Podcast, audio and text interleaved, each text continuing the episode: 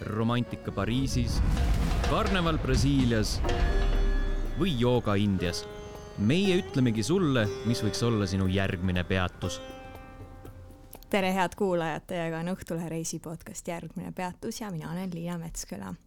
meie tänane külaline Gerda Karina räägib sellest, kuidas loomeinimesena maailmas läbi lüüa. tere, Gerda! tere! Sa, kui ma ütlesin sulle, et äh, läbi lüüa, siis sa kohe olid seal niimoodi, ma, ma, ma, ma ei oska seda kirjeldada, oh, mis asja et kas, kas ma ei öelnud õigesti või? mulle see... tundub, et sul on mega hästi läinud tegelikult. ja, ja, ei see pani pigem muigama. aa, okei okay,, okei okay.. miks, miks see sind muigama pani ehm,? sellepärast, et ma pole avalikult või tegelikult olen, ma olen õpetanud ikkagi loomise kõrvalt ka, aga ma pole lihtsalt avalikult äh, õpetanud, kuidas siis loomeinimesena läbi lüüa, alles hiljuti, aasta aega tagasi alustasin. Äh,, Eestis tähendab, muidu ma olen kogu aeg mujal olnud. aga see pani lihtsalt muigama, mul on lihtsalt hea meel olla siin. Mul on, mul on hea meel, et sa oled siin. aga räägi alustuseks, äh, kes sa siis ametilt äh, täpselt oled, millega sa tegeled? jaa, lühidalt siis võib hiljem laiali valguda ja natuke rohkem arutada, aga ma olen viisteist aastat portreefotograaf olnud ja mm, nii kui ma kaheksateist sain, nii kui ma keskkooli lõpetasin, ühe otsapiletiga Londonisse ja olengi ära olnud ja portreefotograaf äh, oli siis see silt, mida ma kandsin väga pikalt. ja nüüd saan ma öelda, et ma olen kunstnik ja ma maalin ja ma olen samamoodi ka ärinaine. ma tõmban finantsilist küllust läbi oma loomingu ligi ähm,. ja loon ükskõik, mis mind aktiveerib, ma loon. ja nüüd ma teen koostööd galeriidega, teiste kunstnikega ja ma olen kuidagi selle, ma salaja võtan ikka kliente vastu veel fotoga, aga ma panin ametlikult, tähendab, panin selle ameti maha, aga kõike, mis aktiveerib ja mis inspireerib, seda ma loon. samamoodi on raamatu kirjutamine inimestega koos, et nad on hästi erinevad hästi,, hästi-hästi erinevad, ma ei saa isegi ühte sildi panna ka fotograaf ja kunstnik. Äh, sa ütlesid sellise lause, äh, ma küsin kohe täpsustust selle kohta, muidu mul läheb meelest ära mm. -hmm. tõmbad finantsilist küllust läbi oma loomingu ligi. mis see tähendab kuidas ähm, meil on hästi suur, tähendab, enamus loomeinimestel on uskumus, et kui ma olen kunstnik, siis ma pean olema see nälgiv kunstnik, nüüd kui tagasi vaadata ajas et äh, kunstnik olla on hästi raske. ja mina olen nüüd see, kes siis selle müüdi ümber lükkab ja navigeerib kahe maailma vahel. loon oma kunsti, olen oma mullis ja siis ma, see on valmis, ma võtan energia välja ja hakkan siis nii-öelda ärinaiseks ennast välja panema. ja need on hästi erinevad maailmad, üks on hästi naiselik energia, kus sa loodki, lähedki oma stuudiosse, kus iganes see on, oled oma mullis, kanaldad seal mida iganes, lood tõmbad ennast tagasi ja siis tegelikult pead nagu action'it võtma, ennast välja panema e, emaili kirjutama telefoniga, helistama inimestele, kontakte looma, ennast, ennast nagu enamus kunstiinimesed või enamus loomeinimesed ei taha ennast ju välja panna, nad on introverdid.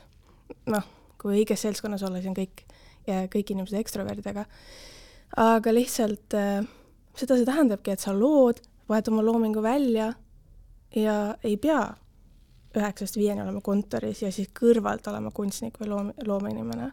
võib olla sada protsenti loominguga tegelev kunstnik. Sa teed siis topelttööd, et äh, noh, ühe, nii-öelda üheksast viieni maalin ja siis pärast panen veel kaheksa tundi ärinaist otsa. Ei, ma tegelikult, äh, mulle meeldis, kui ma fotoga tegelesin, siis kõik arvasid ka, et see mu elu on äh, kuulsuseid pildistada ja selline näpud püsti äge elu. tegelikult see fotograafi elu on, ma ei tea, kolm protsenti pildistamist või, ülejäänud on kõik muu ju, sest me ise oleme oma bränd, me peame ju teadma, kuidas ennast esitleda, et see on olnud aastapikkune, aastate tähendab pikkune enesega töö, et äh, mul ei ole, mul ei ole, mul on struktuur, aga mul ei ole sellist struktuuri, et nüüd üheksast viieni ma maalin ja siis teen midagi muud. mul on nagu hästi voolav, kui mul tekib väga tugev tunne või nägemus, ma pean seda sinna kanvasele panema, seda ma teen, kui see läheb, kui see on tehtud, siis ma liigun edasi. Ja, ja selles, selles mõttes, et üks asi, mida ma õpetan õpilastele, on struktuur, aga mitte selles mõttes struktuuri, et päeva äh, peab olema sada protsenti range, vaid struktuur selles, kuidas navigeerida kahe maailma vahel. et ei, mul ei ole sellist äh, noh, konkreetset plaani, kuigi mul tuleb äh, nädala pärast, tähendab, september ja siis oktoober on Dubais on näitus, et praegu mul on minuti pealt küll arvestatud noh, kõik asjad, mis ma teen päeva jooksul, aga see on ka praegu, enne mingeid suuri ettevõtmisi on, on konkreetne päevakava, aga muidu ei no enne kui me praegusesse hetke jõuame, ma küsin selle Londonisse mineku kohta, miks sa sinna ühe otsa pileti Londonisse võtsid? mis su plaanid olid? jaa, ma tundsin, et ma Eestis äh,, Eestis tuleb lagi, lagi ette, aga ma teadsin seda, kui ma olin juba väga väike äh,. ma vist maandusin äkki Londonisse ja siis mul tuli mälestus, kui ma olin äkki kahe-kolmeaastane. ma olin kogu aeg unes näinud, et ma elan Londonis ja siis ma nägin, ma, see unenägu oli selline, et madalad majad, hall, autod on tee äärde pargitud mõlemale poole hästi väikeste vahedega. Ja noh, London, aga ma ei, ei teadnud, et see on London, ma ei teadnud mitte midagi Inglismaast. absoluutselt. et kui Araabiasse lähed, on selge nägemus, et on kultuur seal, London oli lihtsalt selline suur linn, ma ei teadnud isegi, mis seal nagu on või ei ole. miks ma sinna läksin, oligi, et lagi tuli ette Eestis, ma teadsin, et ma tahan äh, fotograafiks saada ja ma tahan mingit äh, suuremat eesmärki. aga see saadab mind terve elu, ma arvan, et mul on vaja midagi suurt kogu aeg saavutada. Ja mul oli seal tegelikult ki üks kindel fotograaf, keda ma tahtsin assisteerida. ta ütles, et jaa, tule, tule. töötas Vogue'i jaoks. siis ma läksin ja siis ta enam ei vastanud. nii et ma olin Londonis, siis ma pidin hakkama ennast üles ehitama lihtsalt.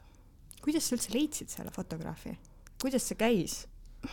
ilmselt sellepärast, et äh, kui on mingisugune unistus või nägemus, siis sa teed äh, uurimustööd selle kohta ja leiad inimesi ja siis ma võtsin ühendust, kirjutasin kirja ja mõtlesin, ma võin kas või aknaid pesta stuudios, mul täiesti ükskõik. ma lihtsalt tahan näha, kuidas sa tööd teed. suhted on olulised. et siinkohal ma soovitan, kui keegi kuulab, loomeinimene, et suhteid tuleb hoida ja luua julgelt. ja nii ma läksingi ei teadnud kedagi seal. hirmus oli, väga raske oli, aga see oli äh, võimaluste maha jäävas uksed, mida ma ei oleks iial uskunud, et on võimalik avada. no kui see fotograaf siis ei vastanud, no mis sa tegema hakkasid? ju on ma... üks väike tüdruk äh, suures Londonis jaa, ma leidsin äh, interni koha endale, ma mäletan, oli hästi palav suvepäev ja ma olin aias ja lihtsalt telefonis otsisin erinevaid võimalusi ja Facebookis kogemata nägin, et mingi ajakiri äh,, Phoenix, eesti keeles Phoenix äh,, need olid mingid superstaarid juba seal kaane peal olnud, et äh, nad otsivad interne ja üks nendest oli fotograaf ja siis ma läksin sinna lihtsalt oma portfoolioga, vanakooli moodi prinditud portfoolio, hästi paljud käivad seal niimoodi ringi. ja siis ma läksin ja siis esimene, mind võeti vastu sinna ja esimesena saadetigi järgmine nädal siis esmaspäeval ühte modelliagentuuri, äh, mis oli unistus, lähed sisse, ma pidin loo, loo jaoks pildistama. et lähed sisse, siis hästi-hästi suur, nagu filmis. Äh, see nagu kontor, nagu teil siin on kontor, aga see oli topeltsuur ja maaslaani olid äh, modellide pildid need modellid olid rahvusvahelised, noh, need kuulsad, kuulsad modellid, keda igaüks teab ilmselt. no nimeta mõni oh my god, ma olen nii halb nimedega kui Londonis lihtsalt tänaval mööda, mööda tänavat kõnnid, siis nad on lihtsalt igal pool suured billboardid, kõik need plakatid ja poe. tuntud ikkagi jah ja. mm? -hmm. nii, igatahes äh, tagasi sinna sellesse lahedasse kontorisse. ja siis ma tegin seal loo ja, ja nii ma olingi seal, kolm kuud oli kokku lepitud, et olen seal. aga kolm kuud sai läbi ja siis äh, ja siis mulle anti edasi tööotsi, kuna ma olin loonud suhted ja ma olin selline, noh, eestlane on nii-öelda töö, tööloom eks, või noh, teada-tuntud, et kui panna itaallane ja eestlane kõrvale, kõrvuti, siis eestlane teeb tööd. ja ma lihtsalt jäin siin silma rohkem ja mulle antigi rohkem. ja ma ütlesin kõigile jah, äh, interni kohal ei makstud mulle, äh, transport lõpus vist natukene kaeti, aga muidu mitte. et äh, siis üks inimene viis teise inimeseni ja siis ma lõpuks jõudsin sinna, kuhu ma tahtsin jõuda ümbritsetud inimestest, kellel on suured platvormid, kes on kuulsad ja siis nemad omakorda avasid veel uksi. Äh, aga see ei olnud kerge, selles mõttes see, see, see teekond, London on üleüldse suur linn, ma olin noor, ma läksin sinna, ma olin naiivne, ma uskusin kõiki, ma arvasin, et kõik tahavad aidata, sest mina aitasin kõiki teisi. aga mm, kui sa midagi nagu väga tahad, siis ilmselt kuidagi ma olin hoitud. no sul oli seal siis selliseid pettumusi ka eh,? ah muidugi, lihtsalt ma olin nii noor, ma olin nii noor ja ma ei, ei ähm, ei teadnud elust niivõrd midagi, et kui ma sinna läksin, siis selline valus tõde oli küll see, et keegi ütles, et sa oled ju siin Londonis, mitte keegi, Eestis oli mul ju klientuurid, ma alustasin, kui ma olin kolmteist. aga siis ma läksin sinna ja mulle öeldi, et sa ju oled mitte keegi, et sa pead ennast üles töötama. Siis ma töötasingi, aga seda oli hästi valus kuulda. ja siis äh, muud varianti polnudki, iga päev aasta aega järjest tegin tööd, ütlesin kõigile jah, otsisin ise projekte, otsisin jumestajaid, modelle, modelliagentuurid, siis lõpuks mul oli hästi palju tuttavaid, äh, need model managers, ma ei tea, kuidas öelda eesti keeles, et äh, ma elasin majas, kus ma jagasin maja nelja teise tšikiga ja siis äh, mu magamistuba oli tegelikult vist meie maja kõige suurem, aga see oli ikkagi väike. ja mis ma tegin, oli lihtsalt see, et voodi taha panin oma tausta ja kutsusin modelle nii-öelda siis test shoot'ile oma voodisse sinna, aga see kõlaks lihtsalt nii veidralt, kui, kui ma seda kõrvalt kuulaks või noh, ma kuulengi praegust, et nagu, et mis asja, tuled mingi kellegi väikse magamistuppa, vaata, okei okay,, see lugu oleks palju hullem, kui oleks meesterahvas, kes kutsuks, onju, Mhm. no naisterahvas veel, onju. jaa, aga tulid ja sain tuttavaks modelliagentuuriga. üks mu hea tuttav oli see, kes avastas selle, et Tiina, Tiina, kes on üks tuntud modell äh,, oli Vincent Casselliga abielus. ühesõnaga, et selles mõttes, et äh, seal ei olnud puudust tutvustest ja inimesed hea meelega saatsid edasi äh, kuulutusi, igasuguseid võimalusi, sest et ma lihtsalt olin nii näljane rohkema järgi. see, et sa sinna neid modelle otsisid, mis oli sinu motivatsioon, et leida neid uusi modelle? et kas lihtsalt see, et müüa kuhugile neid pilte edasi mingitele äh, ajakirjadele või, või mis see täpselt see taust on? Ei, portreefoto tuli minuni väga varakult ja see oli lihtsalt mingi asi, mis täitis minu hinge. ma kuidagi, see lihtsalt puhtalt loomine inspireeris, kõik, kes kuulavad ja on minu stuudios käinud minuga pildistamas, siis, siis nad teavad, mis tasandil ma teen pilte, mismoodi ma tööd teen, et see oligi motivatsioon, et ehitada oma portfooliot ja saada edasi ja edasi ja edasi ja kõrgemale. noh, see kõlab nii selliselt mittenaiselikult, ma rede-, et ma ronin mööda karjääriredelit üles, aga lihtsalt see oli see miski, mida ma tahtsin teha. ja ma teen lihtsalt teisel tasandil tööd, nagu need pildid või see klienditeenindus ja kõik need asjad mot-, motiveerisid ja inspireerisid, kes ma tahtsin olla oma ala parim. ja ma seepärast on ka mu hinnad väga kõrged ja see oligi loomine, kõrgelt loomine. kõik, mis ma teen, on suur loomine, ma ei tee väikseid asju. ja see on naljakas, sest et aastaid ma kogu aeg ütlesin, et ma ainult loon suurelt ja teen suuri projekte ja mul ei ole aega väikeste jaoks ja nüüd ongi seda ainult suured projektid, väiksed ei olegi. sa ütlesid, et need, kes on käinud sinu juures pildistamas, need teavad, mis tasandil sa tööd teed. no mina ei ole käinud ja kindlasti ka paljud kuulajad ei ole käinud, et no mis tasandil sa teed tööd, mis see tähendab? Eesti turg on hästi teistmoodi võrreldes välismaailmaga. Need, kes on välismaal käinud tööd tegemas, need teavad. või ühesõnaga see Eesti, ilma üldse hinnanguid andmata, et Eesti on väike konnatiik. ja minu töö näeb välja lühidalt lihtsalt selline, et konsultatsioon, siis konsultatsioon võib-olla kaks nädalat enne, siis on sessioon ja sessioon on põhimõtteliselt mitu tundi on tiim seal, mul on assistendid, mul on palgatud inimesed, kes teevad minu eest asjad ära, nii et ma saaksin keskenduda loomisele ja mul oleks ruumi ja energiat seda teha, sest et see on, see ei ole kerge, navi-, tähendab, see ei ole kerge hallata tervet tiimi, klient peab tundma, et ta on nagu kuninganna või kuningas vastavalt, kes siis on, ja ma alati ütlen, et see on tähtsa, tähtsam kui pulmapäev ja kusjuures üks klient ütleski, et issand jumal, see oli rohkem pidulikum kui mu pulmapäev. et äh, mu tase on lihtsalt teistmoodi ja kõrge, sellepärast ma saan ka kõrgemat hinda küsida ja portreepildid, hästi paljud, kes on minuga koostööd teinud, ütlevad, et ma jäädvustan seda hinge, et lihtsalt peab ise kogema seda, ma ei oska muud moodi seletada, see on, see on teine tase, kuna ma ehitasin ennast üles ajakirjades ikkagi ja ma töötasin suurte ninadega koos, siis ma lihtsalt õppisin sealt nii palju, kuigi see oli moemaailm, see ei olnud tava, tavainimesele ligipääsetav maailm ilmselt. et ma lihtsalt toon kõik selle pagasi siis või teadmised ja ma rakendan neid oma tavainimese portreesessioonidel. kuidas sa neid kontakte seal lõid, seal Londonis, kuidas see töötab? ja ka mujal maailmas tegelikult, mitte ainult Londonis, sul ju ka mujal kogemust ma olin kohas, kus mul ei olnud mitte midagi ega mitte kedagi. kui sa oled sellises kohas, siis, siis äh, kuidagi mingid piirid kaovad ära. et äh, või see hirm äh, inimesi, inimestele läheneda kaob ära.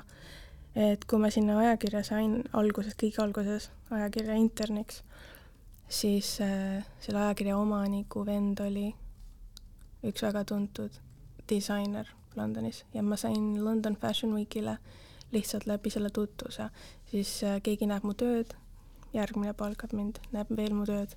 et ähm, alguses tegin tasuta palju, aga praegu, kui ma oma õpilasi õpetan, siis äh, tasuta tegemine on äh, ainult äh, siis, kui see, kellega sa koostööd teed, annab sama vastu, mida sina annad talle, et kui äh, niisama tasuta lihtsalt äh, teha ja mitte mingit balanssi või mingit vahetust seal vahel ei ole, siis ähm, ma pehmelt keelan seda teha. aga palju lihtsalt tegin tööd ja, ja ma olin väga loov, ma kasutasin oma loom-, lihtsalt oma loomingulist meelt ja minu kõige esimesed, ma ei mäleta, kas see oli enne ajakirja, ajakirja või peale ajakirja, olid ühed Saudi araabia tüdrukud, kaks õde. Nad olid suhteliselt tuntud blogijad ja ma tegin lihtsalt nendega tööd ja siis sealt avanes midagi, et ühesõnaga sellised niidiotsad, et tänu nendele ma sain Vogue Araabias oma töö välja ja tead, kui sa Londonis elad, see on võimalus tema, iga inimene, kes vastu kõnnib, on potentsiaalne klient seal. ja niimoodi see networking ehit-, ehitamine äh, välja näebki, aga peab olema valmis sisemiselt ja avatud ennast välja panema.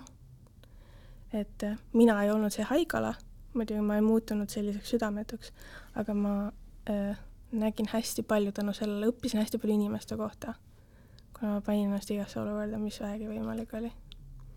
sa ütlesid, et sa alguses ikka tegid päris palju tasuta. kuidas sa rahaliselt hakkama said, et ega London ei ole ju selline odav koht, kus niisama hängida?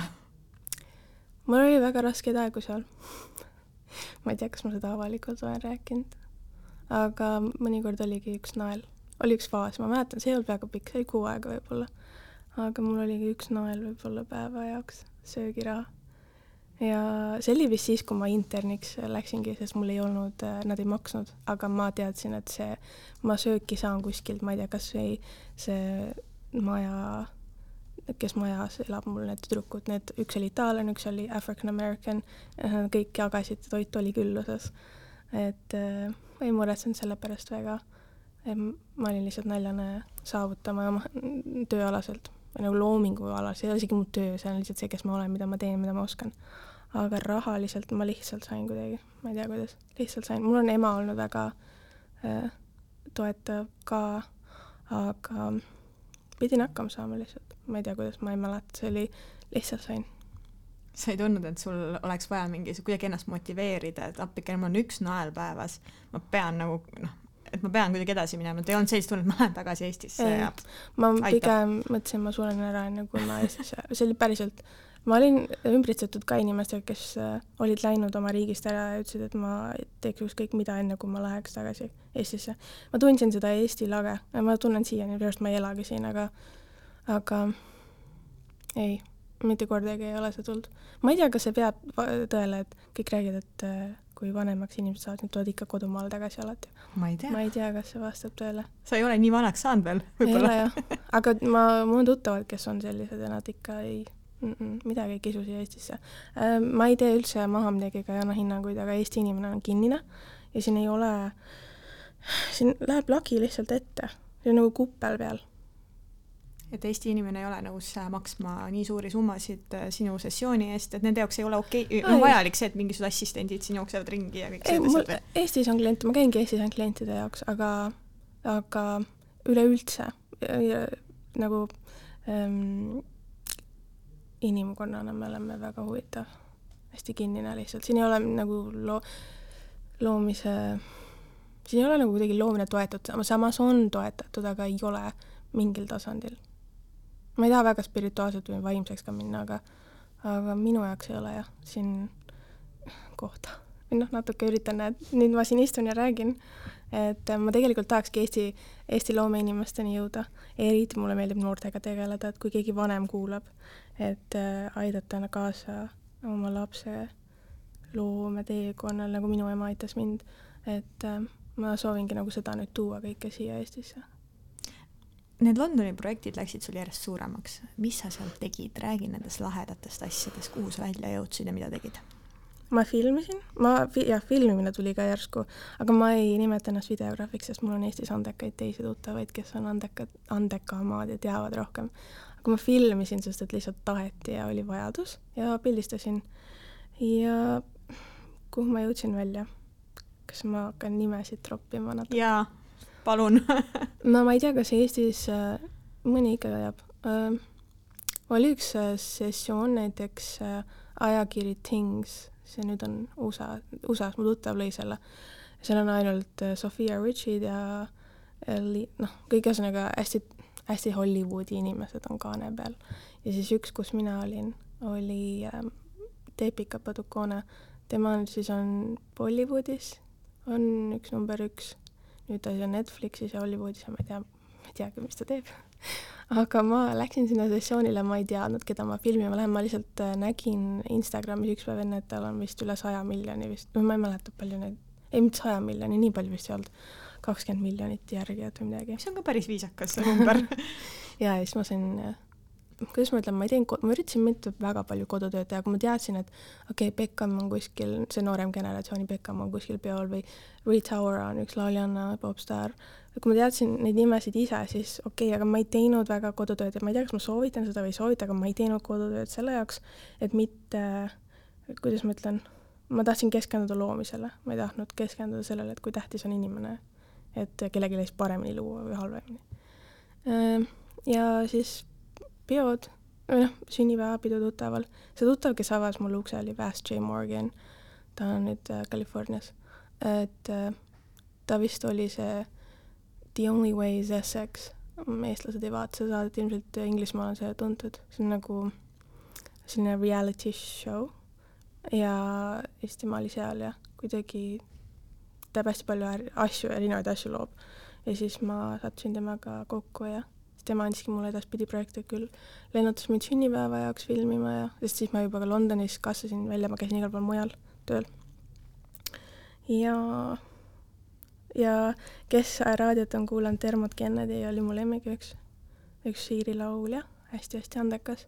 mina sain temaga kokku siis, kui ta ei olnud veel, ta hakkas alles nagu tõusma ja siis ta tõusiski järsku. kes veel, kuningaperele tegin midagi seal räägi sellest. see oli selline, see nad teevad, see ei olnud mingi kuninganna Elizabethile otseselt, lihtsalt äh, ühele nendest seal, kes omab seda firmat Royal äh,, mis see, mis see, mitte Royal, vaid Goodwoods Revival. Nad teevad iga aasta mingeid show si Inglismaal, kus on mingid äh, mingi teema ühesõnaga sellega, ma väga ei süvenenud sellesse, ma lihtsalt filmisin, mis vaja oli, mu tuttav on seal äh, samamoodi jala, jalg, jalgupidi sees, üks Andy, hästi andekas ja siis äh, ma hoidsin ennast ligi äh, sellistele kogen-, kogenumate inimeste, inimestega, et kes teadsid, mis nad teevad ja neil oli tööd mulle anda, tasulisi töid ja ägedaid projekte. Ja kunagi ei tundnud, et ma ei taha midagi teha, kuigi ükskord oli see, et, et ma olin väga haige ja siis need Saudi Araabia õed tahtsidki, et ma pildistaks neid, aga see ei olnud väga minu stiil, sest see oli tänava peal selline mingi street style moe fashion blog ja siis ma ei tahtnud minna, aga lõpuks mind ikka lükkasin ennast välja sealt uksest ja siis äh, mõned nädalad hiljem oligi Vogue Araabias seal blogis kuskil või online'is, ma ei mäletagi. et äh, mugavustsoonist välja ja ähm, issand, ma olen nii palju teinud. no mul on, mul oli siin kirjas äh, üks äh, juba enne saadet üks küsimus. no nüüd ma muidugi mõtlen, et see võib-olla ei ole nii, nii, ma juba, noh, sa oled ära vastanud sellele küsimusele, aga ma ikkagi katsetan, võib-olla, võib-olla sa vastad midagi lisaks veel. oli selle kõige taga palju tööd või oli mõnevõrra õnne ka? mulle tundub, et väga palju tööd oli, aga kuidas sulle tundub, et kas õnne oli ka ikka? mm,. ma ütlen niimoodi, et ma olen, tähendab, ei saa istuda lihtsalt käed rüpes diivani peal, peab tegema natukenegi äh, füüsiliselt midagi, et äh, saavutada siis neid asju, mida, saavutada tahta äh,. kuigi, kas ma võin vahepeal öelda ühe näite, et kui ma olin Monacos, elasin ja siis ma kolisin äh, kohe Monaco külje alla, siis mul oli vaja taastuda, sest seal oli hästi palju ehitust, see oli lihtsalt nii väsitav keskkond sellisele looduslapsele. siis ma istusin nii-öelda küll tegelikult diivani peal lihtsalt, ei teinud midagi, ma tahtsin olla peidus ja varjus. aga siis kukkus sülle Araabia emiraadid tahtsid, et ma teeks neile mm, mingisugune selline, kui dirigent äh, juhib koori ees, see oli see EXPO-ga seotud, siis taha taustal oli vaja mingit animatsiooni asja. et see kukkus sülle küll, lihtsalt ma ei teinud midagi, tegin lihtsalt eelnevalt, sain tuttavaks kellegagi. aga avatud seisund peab olema ja ma, mul mul on üks mentor, Eesti mentor Kristiina Raie, tema on mind õnneks aktiveerinud ja aidanud ja õpetanud. aga õnn, ma ei tea, defineeri õnn, õnn. No vedamine, see, et no tõesti seesama näide, nagu sa tõid, et keegi kirjutab, et kuule, et mul on siin mingi super hea projekt, tahad teed ära, et jaa, aga selle jaoks, et sinna jõuda, peab olema nähtav, et peab ennast Töö nähtavaks tegema. et peab inimestele andma võimaluse anda endale raha, projekte, kõike neid, ikkagi töö. muidugi ma olen avatud ja igal pool teistel tasanditel ka, mis on nagu nähtamatud, aga see, kui ma ütlen lihtsalt lihtsalt, siis ikkagi tööd. jah, tööd, mitte nii, et äh, sur-, surmani lihtsalt rabada, aga peab tegema tarku otsuseid ja olema õiges kohas õigel ajal ja oskama inimestega connect ida ja ja andma mingit väärtust. miks London sulle siis väikseks jäi? et mul ei jäänud London väikseks, ma armusin ära ja siis ma kolisin äh,. tegelikult ma ei kolinud, ma olen kogu aeg olnud Kohvri otsas elanud äh, aastaid. ma lihtsalt äh,, teised kuidagi äh,, ma põlesin läbi äh,. moemaailm Londonis ei andnud mu hingele mitte midagi. Ma põlesin läbi ja see hetk, kui ma teadsin, ma põlesin läbi, oli siis, kui ma London Fashion Weekil pidin filmima ja ma vist viis päeva, need viis päeva järjest äkki oli.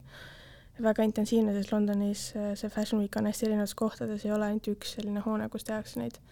ja ma läksin viimases, viimane päev hommikul, esimene koht, ma läksin sisse, läksin otsejoones vetsu ja lihtsalt oksendasin, vabandust, kuulajad. Et äh, mu keha lihtsalt andis märku, et äh, nüüd on aeg läbi saanud ja mul ei olnud äh, mõtet maksta üüratult kallist renti seal, kui ma ei olnud enam Londonis, mul olid projektid Monacos ja ma käisin Marokos palju, Prantsusmaal, Jamaikal. et oli aeg edasi liikuda. London oli see, mis sind ikkagi siis läbi põletas, sul oli vaja uut kohta, uut algust. jaa, London põletas mind läbi ainult sellepärast, et ma ei väärtustanud enda energiat piisavalt, nagu ma näiteks seda teen nüüd. et ma olin lihtsalt noor, ma olin kakskümmend, ma ei tea, neli-viis, et ähm, ma ikkagi ei väärtustanud ennast piisavalt, seal ei olnud piisavalt tasakaalu vahel sellel finantsiliselt kliendiga tö- tööl ja, ja sellel, mis ma andsin. ja siis ma tõstsingi üle laet-, lakkehinnad, see nüüd aitab küll. ja üllatavalt esimesed kliendid olid Eestis, neljakohalised arvud pildistamise eest või? mm. -hmm. jah, päris hea. jah. nii äh,, mis siis edasi sai, et äh, sa tundsid, et sa oled läbi põlenud, kuhu sa läksid, mis sa tegid? ma elasin hästi palju, mul oligi lennujaama vahet hästi palju seiklemist ähm,. ma olin Prantsusmaal hästi palju ja siis ma käisin kus iganes olid projektid, aga siis tuli koroona ja ma ei mäleta, mitu kuud see oli, aga ma tulin nädal aega enne koroonat Eestisse ja siis ma jäin kinni siia. ja, ja siis esimene võimalus, mis avanes, ma kolisin Monacosse. ja siis Monaco oli mu kodu. miks Monaco? Äh, Monaco oli, Monaco oligi kodu reaalselt, ma olin äh, aastaid reisinud perega autoga mööda Euroopat, pluss ma, kui ma Londonis elasin, siis mul olid kliendid Monacos, ma pidin mõned päevad olemagi tegema tööd Monacos. ja see on nii väike ja see on nii turvaline, ma teadsin seda, ma teadsin iga tänavanurka seal. Ja mul oli valida Dubai või Monaco ja siis Dubais kukkus üks projekt ära, õnneks. ja siis ma läksin Monacosse. kas Monaco, no tõesti, ta on küll turvaline väike nunnu, eh, kas ta ei jää liiga väikseks oh,? jaa, jaa, ma ütleks, ma tean eestlasi, kes seal elavad äh,, aga jääb küll väikseks. jääb küll, aga ega see Monaco on lihtsalt nagu äh,, kuidas ma ütlen, käid väljas seal hästi palju, ma käisin kogu aeg toidupoes Itaalias, ma ei tea, mingi kakskümmend minutit sealt või, no jah, lähed mägedesse, ma ei tea, telkima või, või või kuskile kanni taga oli kuskil üks äge koht, mille nime ma ei mäleta, rand. ei, selles mõttes väike on see ikka, aga siis ma kolisin täpselt Monaco külje alla ka, kui mul koopia ette viskas. ja siis äh, ma lõin oma kodu kui oma nagu elu seal, see oli esimene kord, kui ma päriselt siis panin kõrvale oma kunstniku sellisel sildi. tööd tegin ikka edasi, aga lihtsalt elasin ka oma elu. ja nüüd ma siis lähen Dubaisse jälle jälle olen kunstnik oma elu poole ehm, oli seal siis ikkagi ka mingeid tööalaseid projekte või oli see ainult ikkagi see täiesti enda elu elamine? ja, ja oli ikka, Monacos pildistamine. ma mäletan, Monaco, kes teab Monacot, siis teab, et äh, Monacos on äh,, kes teab Monacot, teab ka Bossoleid, et hästi palju treppe on seal, mul oligi üks klient äh, Monacos, ma mäletan, ja ma leiutasin, sest mul ei olnud seal stuudiot, või tähendab, mul ei olnud seal äh, Äh, kõike, mis mul on, noh, igal pool Eestis näiteks, mul on kõik varustus ja nii edasi, need stuudiod ja taustad ja mis iganes. Mul ei olnud seal ja siis ma lihtsalt leiutasin, võtsin küll kardinad äh, kodunud eest ära ja voodilinnad ja ma ei tea, ja siis lihtsalt ronisin tund aega mööda treppe kuskile üles, sest klient elas mäe peal, autot ka polnud. ja, ja oli ikka tööd ja see oli vahva. ja inimesed on võib-olla rohkem külluseteadvuses seal kui Eestis. see oli lihtsam mõnel, mõneti ja see, tegelikult mainisid mulle siin enne saadet, et see oli su elu parim aeg. oli, oli nii vist ju? Jaa, see oli mu elu parim aeg. aga see oli tegelikult mu elu parim aeg, sellepärast ma sain olla oma mugavustsoonis palju. ja, ja kasvu seal nii-öelda väga ei olnud. tähendab, oli, aga ei olnud ka loom, loome poole pealt. et äh, mulle lihtsalt meeldis äh, vaadata, kuidas mul on sõbrad järsku ühes kohas, ühes riigis, muidu olid kogu aeg sõbrad kuskil mujal, üle maailma. Ja kui tahtsin minna kuskile õhtusöögile kellegagi koos, siis sain minna. mul olid tuttavad, kellega minna. et äh, jah, aga mida lähemale tuli see lõpuaeg, et aeg sai otsa seal, kuigi ma, mul on töösuhted seal ja ma käisin just seal ja ma olen ikka justkui poole kohaga seal, aga lihtsalt äh, elu andis jälle märku, et on aeg edasi minna kasvada. ja siis ma kolisin Balile. Ja elasin Balil natuke aega. miks Balile just? ma ei teadnud, kuhu mujale minna. ma ei teadnud, kuhu mujale minna. ja Bali tundus äh,, tegelikult ma ei tahtnud Balile ka minna. ma olin äh,, ma ei tee, ei tee väga asju, mida teised kõik teevad ja kõik tundub, et käivad Balil. aga kliima on seal hea eksootilised puuviljad. ja ma kolm kuud ei teinud tööd seal, ei mitte midagi seal. taastusin lihtsalt oma eh, eraelust ja, ja seal avanesid võimalused Dubai jaoks, kuhu ma siis hoian näitust aga räägimegi siis sellest kunstiteemast, et kuidas ja mis hetkel sai fotograafist kunstnik? ma olen füüsiliselt tahtnud alati teha äh, midagi ja fotoga on küll see, et ma olen Eestis, ma ei ole ilmselt enam ainukene, kui ma teen siin Eestis klientide vahest, aga ma pakun füüsilist toodet. Äh, ja ma tahtsin füüsiliselt luua midagi, sest mul on nii palju energiat ja nii palju asju, mida nagu saaks luua.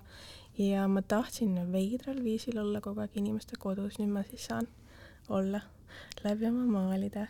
et ma lihtsalt ärkasin üks hommik ülesse, ma tulin Eestisse ainult tegelikult projektide jaoks, aga need projektid kukkusid ära, kui ma siia tulin ja ma ei suutnud seda uskuda, sest need olid nii suured. ja ma oleks muidu Indoneesias edasi jäänud, aga lihtsalt äh, ärkasin üles ja läksin poodi ja ostsin kanvased.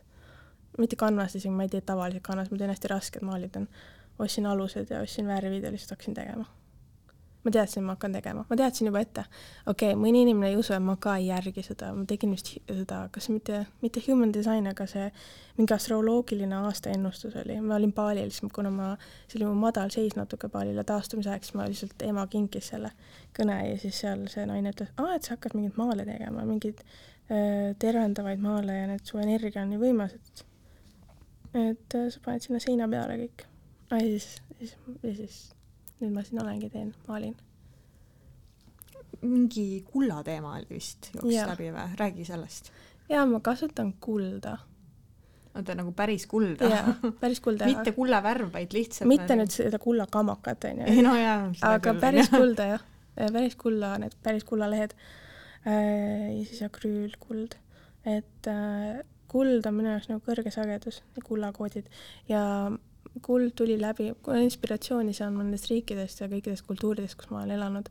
kui ma elasin Araabias, siis ma elasin kõrbes, ma elasin Saudi Araabiast umbes kakskümmend kilomeetrit ja siis äh, oligi lageda taeva all põhimõtteliselt, noh, väike maja oli, aga mit-, nimetatakse empty, empty, ühesõnaga tühi oaas nagu selline. ja siis sealt saingi, see liiv oli kuldne, sealt sain inspiratsiooni.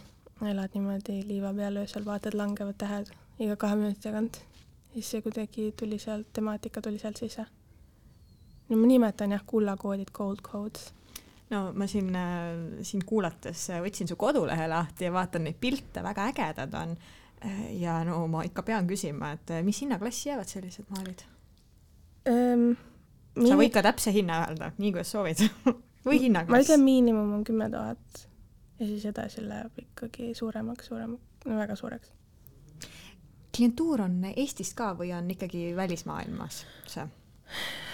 ma ei ole väga Eestis tah-, ma nagu ei, kuidas ma ütlen, oma maalidega ei ole isegi tahtnud tulla Eestisse. kindlasti võib-olla keegi kuuleb ja soovib vaadata mu tööd hea meelega muidugi, aga ma orgunnin ikkagi asju seal, kus ma tean, et näiteks kui ma Monacos panen endal püsti äh, näituse, siis võib sinna sisse astuda keegi, kes võib terve näituse ära osta ja see pole ta jaoks probleem.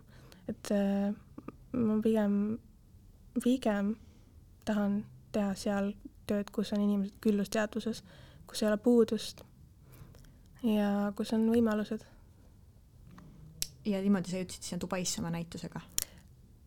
tegelikult ma jõudsin sinna Dubaisse, sest mul on üks tuttav oli baalil samal ajal, üks inglanna, äh, perekonnanimi on Shakespeare, Shakespeare äh, ja ta on journalist, ajakirjanik oli, tal, tähendab, ta on ka, ja ta lihtsalt pakkus mulle võimalust äh, ja ta on kakskümmend aastat elanud Dubais. Ja nüüd ta orgun-, orgunnibki. Või noh, ja nüüd ongi näitus seal.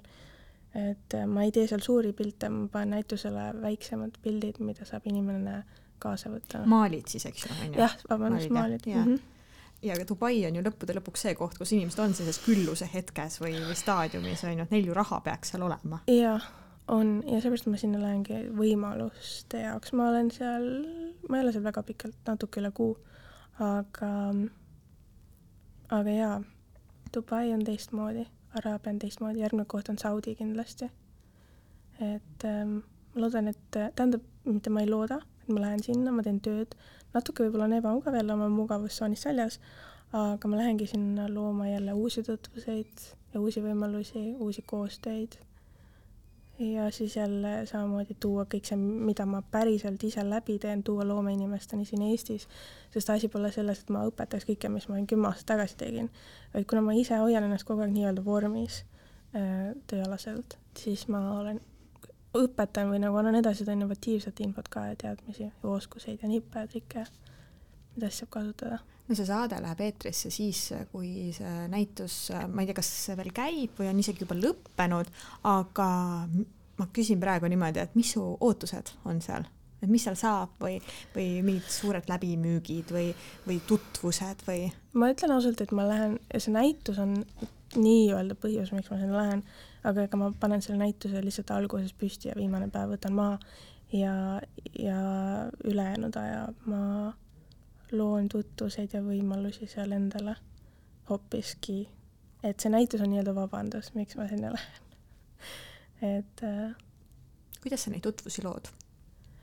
lihtsalt kirjutan inimestele või jalutan näiteks disainistuudiotesse sisse, ütlen tere.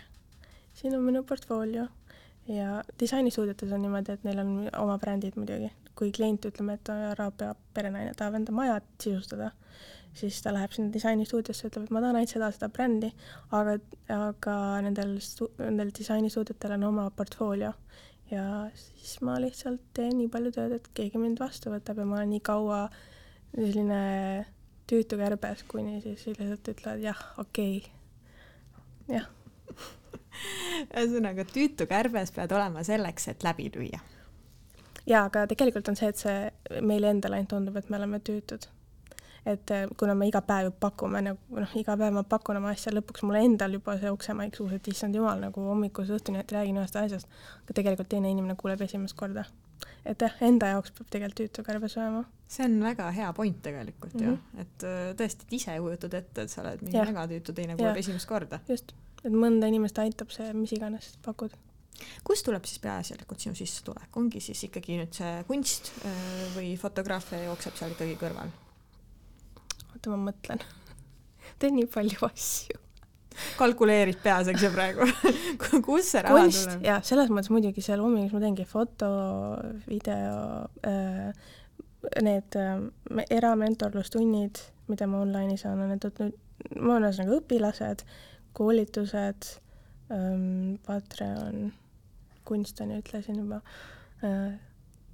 issand, ma teen ka asju, mida ma siin ei jaga, aga mind huvitab näiteks väga tulevikus kindlasti ma tahaks hoopis kinnisvaraga tegeleda, mitte Eestis, aga noh, ma ei tea, kuskil Lõuna-Prantsusmaal.